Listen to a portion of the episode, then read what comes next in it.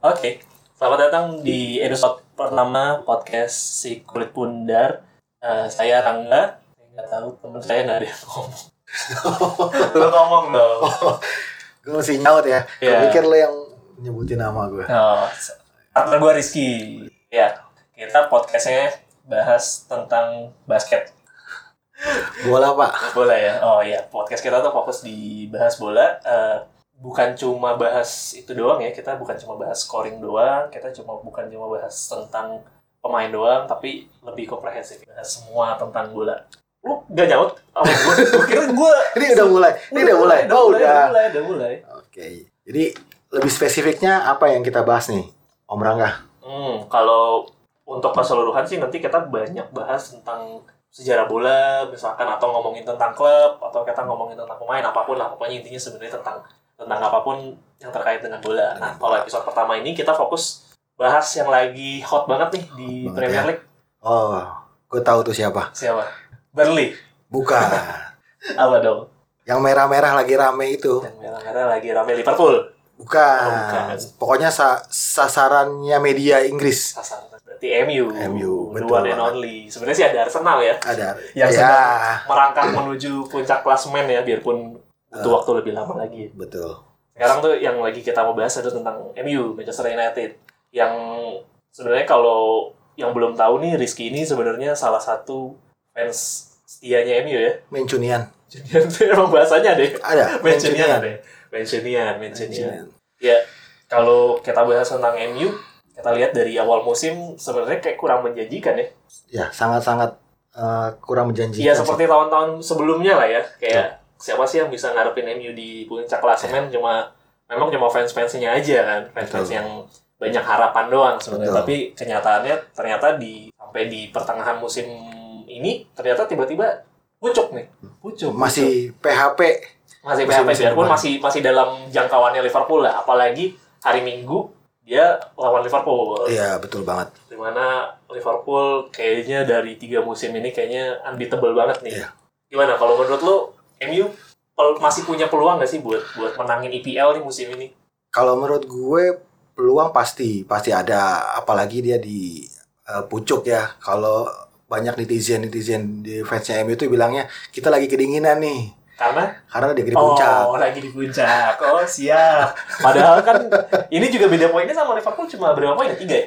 Beda tiga poin. Berarti kalau misalkan pertandingan sekarang MU kalah sama Liverpool masih ada kemungkinan buat digeser Ada kemungkinan eh, cuman lihat nanti agregat gol. agregat dulu ya. Ya. Ya masih masih sangat rentan banget ya Rentan, untuk, rentan, untuk, rentan untuk digeser dari pucuk. Soalnya kalau kita baca meme dari Instagram kayaknya eh, ada tuh yang bahas MU tuh eh, semua orang tuh tahu MU, MU tuh kalau udah di pucuk udah pasti bisa digeser orang. Iya. Saking saking sangat rentannya tuh MU MU bisa digeser Hmm. dari puncak klasmen. Menurut lo tapi kalau dari musim ini kalau lo lihat siapa pemain yang paling yang paling bisa dianggap star of the team? The one and only The one and only. Bruno. Oh, gue kira Jesse Lingard. Lingard Joy kali ini. Lingardino, Lingardino. Iya sih, gue gua nggak salah sih untuk untuk dua musim terakhir bilang kalau Bruno Fernandes tuh jadi jadi core of the team lah ya. Uh, Eh, boleh saya ralat Pak? apa? Kebetulan Bruno baru transfer Januari kemarin Pak 2020. Ya benar berarti dua musim dong. Jatuhnya Satu setengah musim. Satu setengah musim. Satu setengah musim. Eh nggak juga satu musim hitungannya sama ini. satu seperempat So- Soalnya masih pertengahan musim belum kan Iya. yang yang yang 2020 21. berarti bisa dianggap nih transfernya Bruno Fernandes tuh jadi transfer terbaiknya Ole ya musim Iya, ini ya. iya, iya. Dia, dia dia transfer terbaik Bruno Fernandes nggak ada Betul, lagi kan? betul. Bruno Fernandes. Harry Ya, Maguire? Harry Maguire awal-awal sih banyak dicaci sama fans MU. Iya. Pertama blunder-blundernya, Hmm. terus langsung dikasih eh, ban kapten, belum cocok Iya. lah. Cuman makin ke sini kayaknya makin oke mainnya. konsistensinya udah kelihatan Udah ya. mulai kelihatan. Ya, apalagi sih transfer transfer musim ini yang atau transfer musim ini lah yang bisa dibilang MU tuh kayaknya lagi lagi ngegenerate atau lagi nge-build Iya. pemain muda ya. Betul. Banyak banget Betul. ya kayak Facundo Pellistri, terus Betul. Ahmad Diallo. Ada lagi katanya mau pemain dari lupa gue dari dari Uruguay apa apa Kolombia gitu. Dia dia masih 19 tahunan lah. Itu itu juga menarik tuh. Jadi kalau dilihat kayaknya Ole tuh akan akan akan nge-generate dari pemain-pemain Betul. muda ya. Ya kalau memang kalau lihat oleh sendiri Guru dia penjas. filosofinya mirip sama Fergie. Oh, saya kira Ya. sama kayak guru penjas. Ya banyak yang bilang. Iya. ya termasuk coach yang satu itu Oh tuh, iya, yang iya. lagi Coach galak ya, coach Coach galak. galak. Ya, ya banyak diserang basar-basar MU lah. Iya, iya. Tapi awal musim ya, eh, dua musim pertama, eh sorry, musim pertama deh sebelum dia di sebelum dia diangkat jadi pelatih utama atau jadi pelatih resmi. Dulu kan masih jadi pelatih pengganti Iya, ya, pelatih salah ya.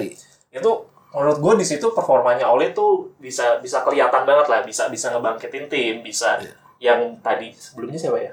Mourinho ya. Sebelumnya Mourinho. Sebelumnya Mourinho, di mana pas zamannya Mourinho tuh konflik of interestnya juga banyak kan, Iya. di mana terus juga timnya banyak yang distrust sama Ole juga. Betul.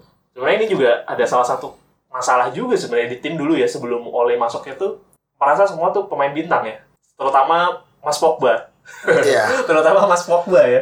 Iya. Pogba, Pogba tuh problemnya adalah ter gimana ya? Kayak pasti anak-anak ya, padahal udah di usia yang bukan cocok dibilang masih pemain muda ya. Udah, udah udah masa emasnya harusnya harusnya harusnya tapi kalau kalau dilihat justru Pogba tuh nggak punya leadership loh di di dari awal transfer mungkin pas zamannya ada Ibrahimovic oke lah lebih oke gitu Iya. tapi semenjak gak ada Ibra hancur-hancuran tuh Ya, dia dia banyak di apa kom, dikomplain sama uh, para para uh, fans MU, dia banyak memperlambat permainan karena dia banyak dribbling-dribbling nggak jelas. Terus ya gocek-gocek. Terlalu lama lah aliran bolanya ya. terlalu lama.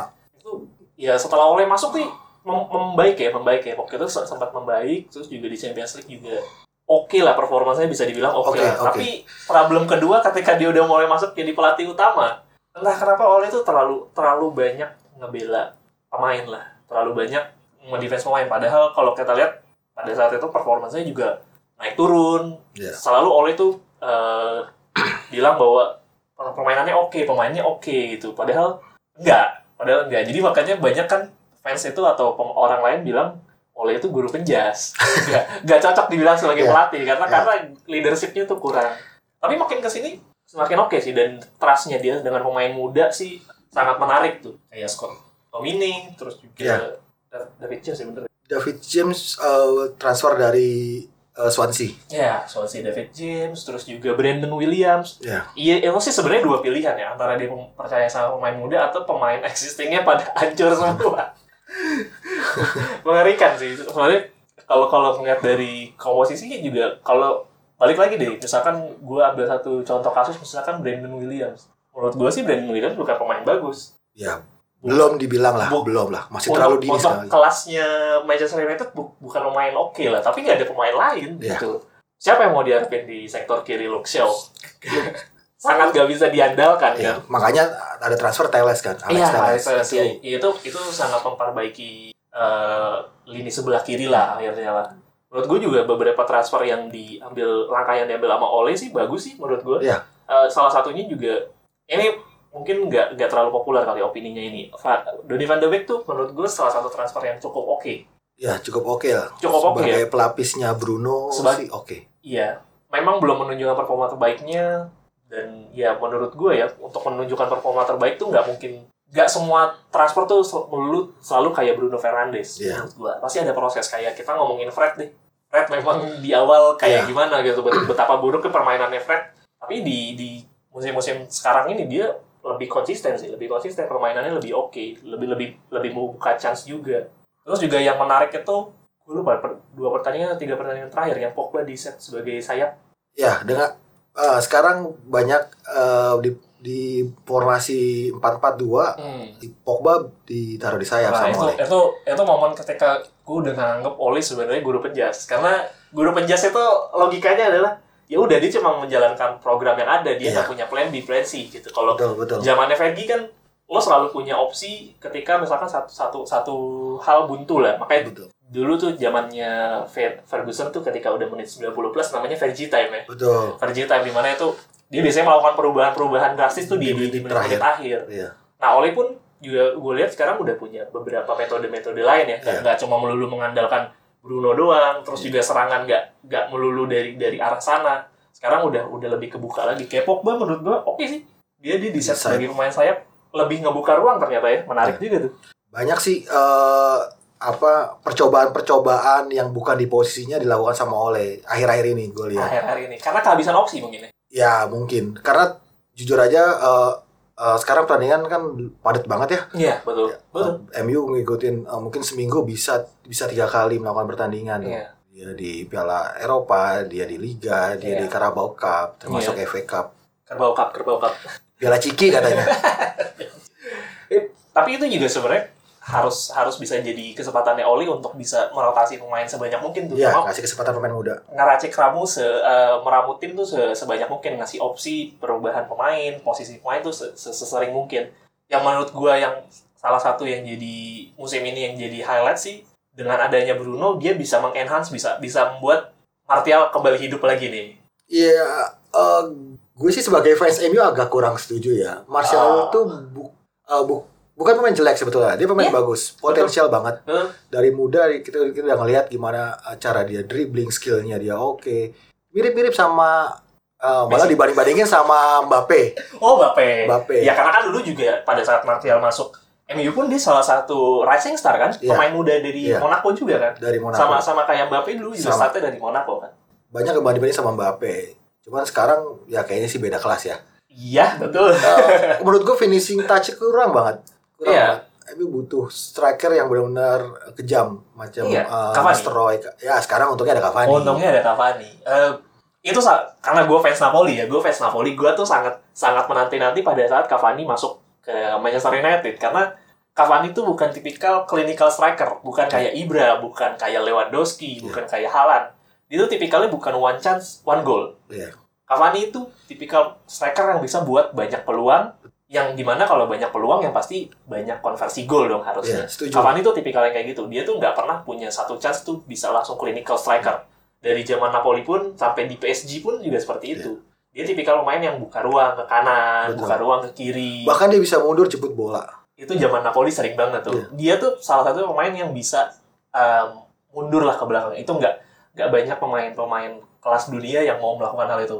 Salah satunya yang gua tahu itu kayak Suarez, Messi itu kalau Ya. lagi counter attack ma- mana pernah mereka mikirin untuk ke belakang Betul. itu itu sangat jarang banget Cavani itu salah satu striker yang niat lah ya atau atau atau mau untuk untuk Karakter-karakter striker modern sekarang ya di era-era sekarang yang lebih fleksibel. iya padahal kalau ngomongin usianya Cavani bukan Ya, bukan usia pemain masih 20-an dia udah masuk Betul. 33 atau 34 ya Iya. gue agak lupa sih masa akhir. tapi dia akhirnya jadi ngebantu uh, United untuk untuk bikin ini baru ya apa namanya peluang-peluang konversi peluang baru gitu Iya. yang di mana dulu tuh agak agak susah ya. Gue ngelihat di musim lalu pun sebenarnya Rashford banyak banget buang peluang sih. Ya gue nggak tahu lo setuju atau enggak tapi gue ngeliatnya Rashford tuh terlalu banyak keputusan-keputusan yang yang kurang tepat gitu. Misalkan harusnya dia dia bisa melakukan syuting dia malah passing. Atau misalkan dia harusnya masuk nusuk ke tengah tapi kok dia malah bawa ke samping itu Rashford seharusnya di usia sekarang sih harusnya uh, decisionnya udah lebih oke kalau Greenwood oke lah Greenwood masih pemain muda lah butuh butuh pengalaman lah butuh touch lah tapi di kelasnya Rashford sih gue rasa sih harusnya dia udah udah lebih berkembang dari ini sih Ya, mungkin tujuannya oleh pun dengan mendatangkan Cavani untuk mengasah insting golnya Hmm. Rashford dan Martial pastinya. jadi guru Jadi guru penjas guru penjas dua Iya. Karena- lama-lama MU kayak anak SD. Gue guru. Tapi menurut lu eh, oke tadi kan kita ngomong pemain pemain starnya sekarang Bruno Fernandes udah no doubt lah semua semua orang dari dari mana pun akan bilang Bruno Fernandes nggak ada Bruno Fernandes MU nggak bakal kayak sekarang Eh tapi lu tau gak tentang Oke. Bruno Fernandes? nggak tahu kenapa Eh jadi tuh eh Ole itu langsung dengan handphone pribadinya nelfon ke Ronaldo. Dia minta referensi eh, apa yang dia butuhin, terutama di sektor playmaker. Hmm. Nah, saat itu Ronaldo dengan dengan tegas langsung menjawab, nih gue punya pemain bagus. Nani. No.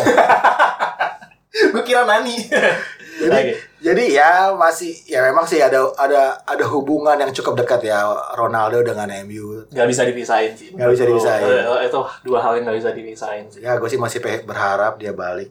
kemungkinan sangat kecil ya. ya, ya. Oh menarik juga berarti ya. Berarti eh, itu salah satu referensinya Ronaldo. ya? Ronaldo. Karena di sport di sporting juga menurut gue Bruno lumayan oke tapi gue oke. gue gue nggak bilang dia oke tapi ternyata dia adalah missing piece-nya MU yang dibutuhin tuh. Nah, lo kan tadi ngomongin pemain terbaik di MU. Pemain yang menurut lu musim ini harusnya udah nggak ada dibuang. dibuang. Eh gue sih nyebutnya Martial. Kasihan ya. Iya, Wah, anu unpopular opinion. udah berkali-kali dikasih kesempatan sih. Ini kan dia juga bukannya berkali-kali juga bisa bisa ngejawab itu ya, ngejawab tantangan itu ya. Tapi biarpun belum 100% ya untuk di kelasnya Martial menurut gua itu masih belum belum cukup lah. Menurut gua masih masih oke loh. Gua malah berharap Pogba loh ya musim ini. Musim ini harusnya nggak ada Pogba. Ya itu salah satu, salah dua. Ya selain Pogba. Selain Lord Lingard ya, Lord Ya. Lingard kan itu udah udah pasti ketahuan bahwa dia beban beban tim. Tapi menurut gua Pogba tuh salah satu dari pemain yang menurut gua harusnya itu nggak ada di MU sih. Sayang menurut gua eh, eh, pemain MU tuh punya banyak opsi pemain yang kelasnya lebih lebih oke. Pogba gua nggak bilang dia pemain jelek, tapi Pogba di harga segitu dan untuk menjawab ekspektasinya United nggak oke menurut salah satunya kalau menurut gua. Dia lebih eh, senang kayaknya jadi selebgram. Ya, betul, betul, betul. Ta- Tapi kemarin cukup mengharukan tuh yang dia bikin instastory pamitan sama Fosu Mensah ya. Oh ya, Tapi dia kat- eh, kalau menurut insider-insider kan dia salah satu orang yang eh, naikin moral di United. pitch kan di, di ketika di Iya. ruang locker dia salah satunya eh, dia yang yang ngebangkit semangat timnya juga Semangat. gitu. Emang ya ada sih peran dia, cuman eh, nggak krusial sih. untuk- ya kalau untuk naikin semangat di eh, ruang ganti itu ada Bailey sama Nemanja Matic. Menurut, gue masih masih banyak lah pemain-pemain yang yang punya kontribusi besar. Cuman memang masalahnya Pogba itu ada di agentnya sih. Lah. Itu ya itu tuh luar biasa dia eh, selalu bikin rumor, bikin kisru di media, Oh, ngasih statement-statement yang enggak Hmm. yang enggak oke lah buat fansnya MU. Ya, menur- menurut gue itu atau eh, salah satu bebannya MU juga sih. Menurut gue Pogba tuh sekarang jadi salah satu bebannya MU. Gue sih berharap dia nggak nggak bakal kayak jadi the next Mesut Ozil ya. Waduh. Wah itu sih mengerikan ya. Iya. Tapi menurut gue itu juga harus harus di juga tuh sama Bapak Ole itu. Ini Kalau kalau menurut lo lini yang yang sekarang yang masih masih sangat harus jadi perhatiannya MU itu siapa? Eh, center back. Pasti ya, jawabannya udah pasti ke sana ya. Center back, wings kanan, memang kita ada apa MU udah dapat eh, pemain muda Ahmad Diallo, Ah, Ahmad cuma Diallo. kita belum bisa banyak ekspektasi terlalu lebih dengan pemain muda kayak gitu. Ya center back sih lebih Center krusial. back ya. Tapi menurut lu Harry Maguire sama kalau lu harus milih Harry Maguire sama Victor Lindelof lo akan pilih siapa? Harry Maguire secara postur dia oke, Bukan karena buang besar ya. Kalau dibuang sayang ya. eh, dan mahal juga sayang mau basir. Gua gua juga kalau di posisi itu juga gue pasti akan masih milih Maguire sih karena menurut gue dia punya punya semua yang dibutuhkan untuk jadi salah satu center back terbaik Iya. sih menurut gue ya. Iya betul. Eh, satu dua tiga kesalahan nggak bisa nutup Ya. nggak bisa nutup kehebatannya dia juga juga sih menurut Ya. gua di timnas juga oke menurut gua di di MU pun belum menjawab ekspektasi ya tapi menurut gua itu salah satu pemain yang dibutuhkan menurut gua sih MU butuh satu pemain belakang lagi yang punya kecepatan sama bisa main bola bawah karena itu problemnya Maguire kan Ya. dia harus nge-backing teman-teman ya tapi terakhir Eric Bailly juga cukup oke Ya, Eric, ya dua kali pertandingan terakhir itu cukup oke. cukup oke kan Cukup. Ya, itu mungkin bisa jadi bisa jadi pairingan yang tepat buat Harry Ya. Maguire tapi menurut gue masih masih butuh lah ya masih butuh satu lagi yang bisa ngejawab kebutuhan itu Ya. Ramos Nah, itu rame tuh Ramos. Karena Eric Bailly sendiri juga eh, apa dia rentan cedera kan? iya sangat sangat rentan cedera di beberapa musimnya di MU kayaknya hampir setiap musim ada cedera Iya. Nah, gue setuju sih Ramos bisa jadi nanti kaptennya dia ternyata. Cuman kalau Ramos itu masih rumornya eh, kemungkinan kecil banget ya. Kemungkinan kecil, ya. Karena dia sendiri masih berharap dari Real Madrid untuk menyodorkan kontrak baru. Secara umurnya udah 34 tahun. yang cukup ramai juga kan Dayot Upe Upamecano ya Upamecano, Ya, Upamecano. Dayot Upamecano kan juga juga cukup santer tuh di Iya. isuin bakal bakal pindah ke MU tapi gua entah sih gua masih belum tahu eh, ini arahnya MU mau kayak gimana. Kalau gue lihat sih kemungkinan kayaknya dia bakal develop develop main muda lagi sih. Ya, cuman tetap eh, MU butuh satu dua figur yang senior untuk star player lah Iya. ya star player lah ya. Makanya kemungkinan Ronaldo bisa balik lagi musim.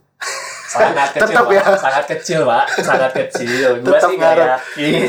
Kalau gue lihat kan dia udah eh, Ronaldo dia udah udah jadi gol terbanyak sepanjang sejarah ya. Eh, kedua kedua. Jadi eh, dia udah melebihi Pele. Iya, Pele. tapi Pele katanya ngaku lagi, katanya golnya nambah banyak. Iya, karena dia- mungkin dulu nggak ada Ah, enggak, kayaknya dia kalau main main futsal bareng teman-temannya kayak kasih Di- dihitung juga. itu kan cukup rame kan dia. Iya. Dia setiap kayaknya dia main lawan anak lawan cucunya juga kalau golnya ditambah-tambahin aja golnya. Jadi tapi kalau secara ofisial dia udah ngelebihin golnya Pele. Ada satu lagi pemain yang yang main Rusia ya kalau nggak salah. Pemain Rusia gua agak lupa. Iya. Belgia atau eh bukan. Cuman nggak terlalu jauh Nggak bedanya terlalu sama jauh, betul. Ya untuk usianya Ronaldo dan masih masih tajam kayak gini sih Ah, itu, itu robot, robot pak. robot. Eh, lu tau gak sih beritanya Ronaldo tuh eh, dulu pada saat COVID kan eh, sempat lockdown tuh, Iya. nggak main sama sekali. Ketika post lockdown eh, fisiknya Ronaldo dites, justru ada peningkatan fisik Setelah lockdown, setelah lockdown. Orang di mana-mana kan kalau kalau lu usia lu nambah fisik lu nurun. iya, imun turun. Iya, ini fisik kemampuan fisiknya nambah. Kalau nggak salah empat hari doang dia negatif ya langsung. Ya, pak. Virusnya juga jiper pak. Minder pak, Minder. Iya, Ronaldo. badan otot semua. King king. Cuman emang kayaknya kalau gue lihat, ya kita bahas sedikit tentang Iya, Ronaldo iya. ya. Dia dia kayaknya punya target pribadi sih. Satu eh, dia mungkin akan ngalahin atau minimal menyamakan eh, Ballon d'Or-nya Messi yang beda satu satu penghargaan. Yap. Dan ditambah lagi dia mungkin kayaknya pensiun di gol yang ke seribu. Wow. Jadi masih ada sekitar 250-an gol lagi lah kurang lebih sangat mungkin kan dengan untuk- fisik yang kayak gitu ya. sangat memungkinkan untuk Ronaldo. Kalau mau cepat-cepat sih mending pindah ke Liga 1 Indonesia aja. Itu sangat mungkin semusim 50 60 gol pasti jadi lah. Pasti jadi. Itu mah kayaknya 10 pertandingan langsung dapet tuh seribu. Langsung dapat yakin gua, gua positif. Enggak, enggak, enggak tanpa mengecilkan Liga Indonesia. Ya, Enggak enggak, saya Kita saya- kita bagus-bagus kok. Kalau saya mengecil. Oke, balik lagi ke MU. Oleh gimana menurut lo? Oleh, Balik lagi ke Oleh. eh, ini pendapat gue ya, Hmm. pendapat gue sebagai fans MU, eh, jujur gue masih agak pesimis untuk MU bisa eh, dapetin juara musim ini. Oke. Eh, memang nggak bisa dipungkiri faktor luck dia terlalu terlalu banyak lah. Memang Hmm. bener ada penalti menit-menit terakhir ada Bruno Gol. Fernandes. ya terlebih ada dua orang MU masih berharap sama Bruno serangan itu terus ke Hmm.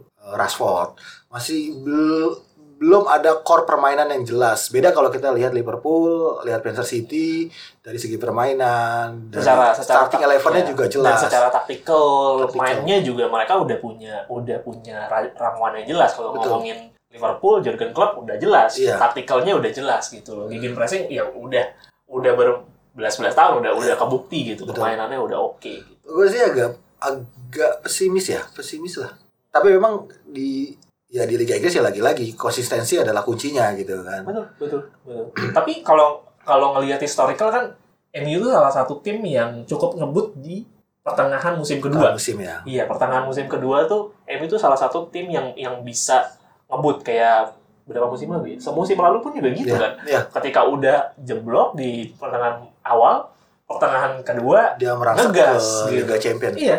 Itu menarik sih, makanya gue gue lihat kayaknya sih ya punya punya kemungkinan untuk juara kalau ngelihat dari peta Ada, ada. itu kemungkinan juara.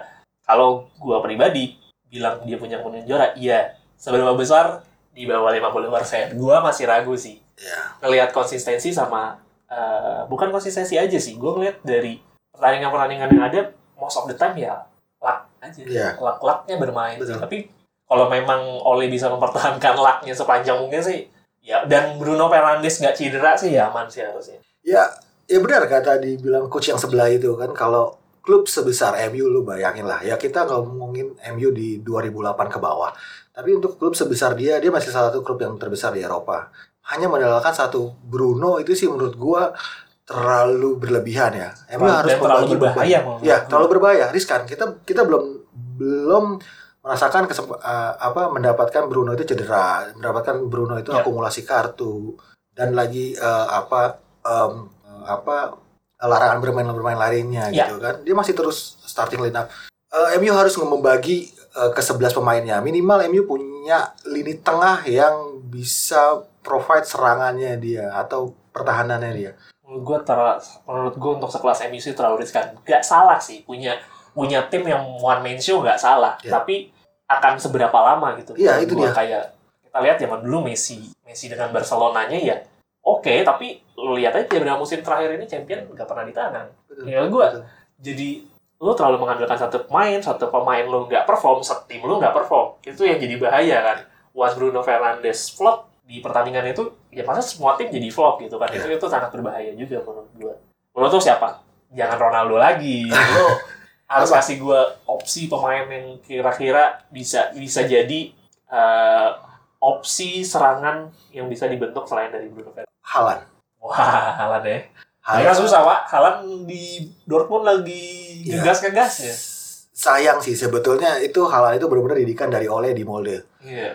Cuman gue gak ngerti kenapa tiba-tiba kalah nih sama Dortmund. Bukannya karena bapaknya Halan dulu dia benci MU ya, bapaknya Halan yang dulu cedera. Oh ya? Iya, dulu eh, bapaknya Halan itu Jorn Halan siapa gitu itu dia sempat dicederain sama pemain sama Roy Keane seingat gue deh. Hmm. itu itu cukup panjang tuh ceritanya tuh jadi dulu Roy Keane dihajar sama bapaknya Halan cedera terus pas pertandingan ketemu lagi dicederain balik pak biasa Keane kan si ngegas pak Iya. si barbar Jadi Gitu. sekarang dendam turun temurun ya. mungkin ya gue nggak tahu itu itu mau ada kemungkinan Halan ya Halan. Cuman yang yang dari musim lalu sampai sekarang Jadon Sancho masih kencang. Masih kencang rumornya untuk di pos, Iya. posisi kanan. Jadon Sancho kayak musim ini nggak baru baru baru comeback lagi ya maksudnya baru menemukan performa terbaiknya lagi ya padahal di awal musim kayak kayak mendelep ya atau atau Iya, memang dia udah feel-nya udah kayak MU. kayak aja sih Udah kayak MU. Cuman dari dari Dortmund sendiri nggak ketanggung-tanggung dia minta 108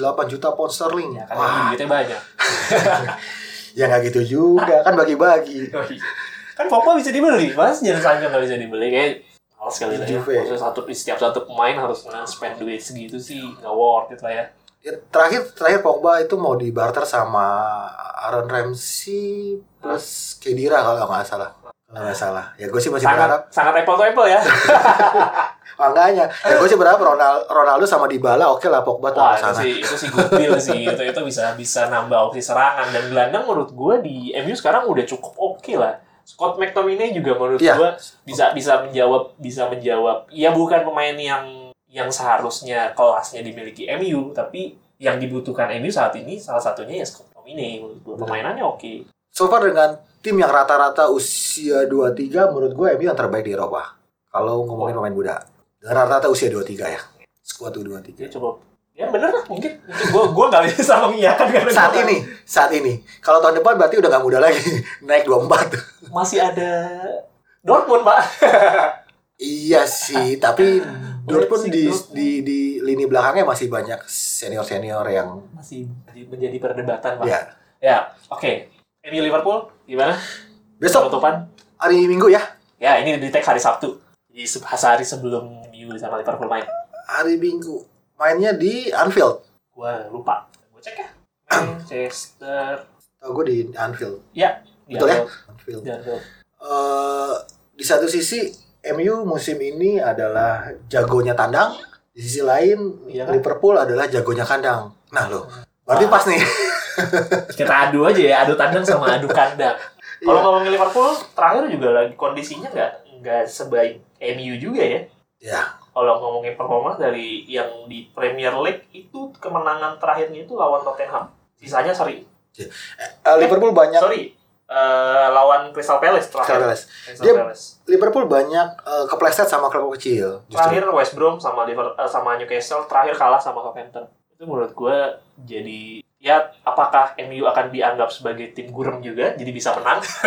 Ya kan? Kan Liverpool kan kalah eh, tersandung banyak sama tim gurem. Apakah MU salah satu tim gurem? Jadi bisa menang gitu kan. Tapi gue nggak tahu sih Liverpool juga lagi menemukan konsistensinya lagi nyari konsistensinya. MU juga kebetulan lagi nemuin konsistensi lucknya juga. Kemenangannya lagi oke biarpun di piala selain piala di di selain Premier League ya kurang oke lah performance-nya kan. Jadi menurut lo starting line up yang memungkinkan buat lawan Liverpool? MU ya.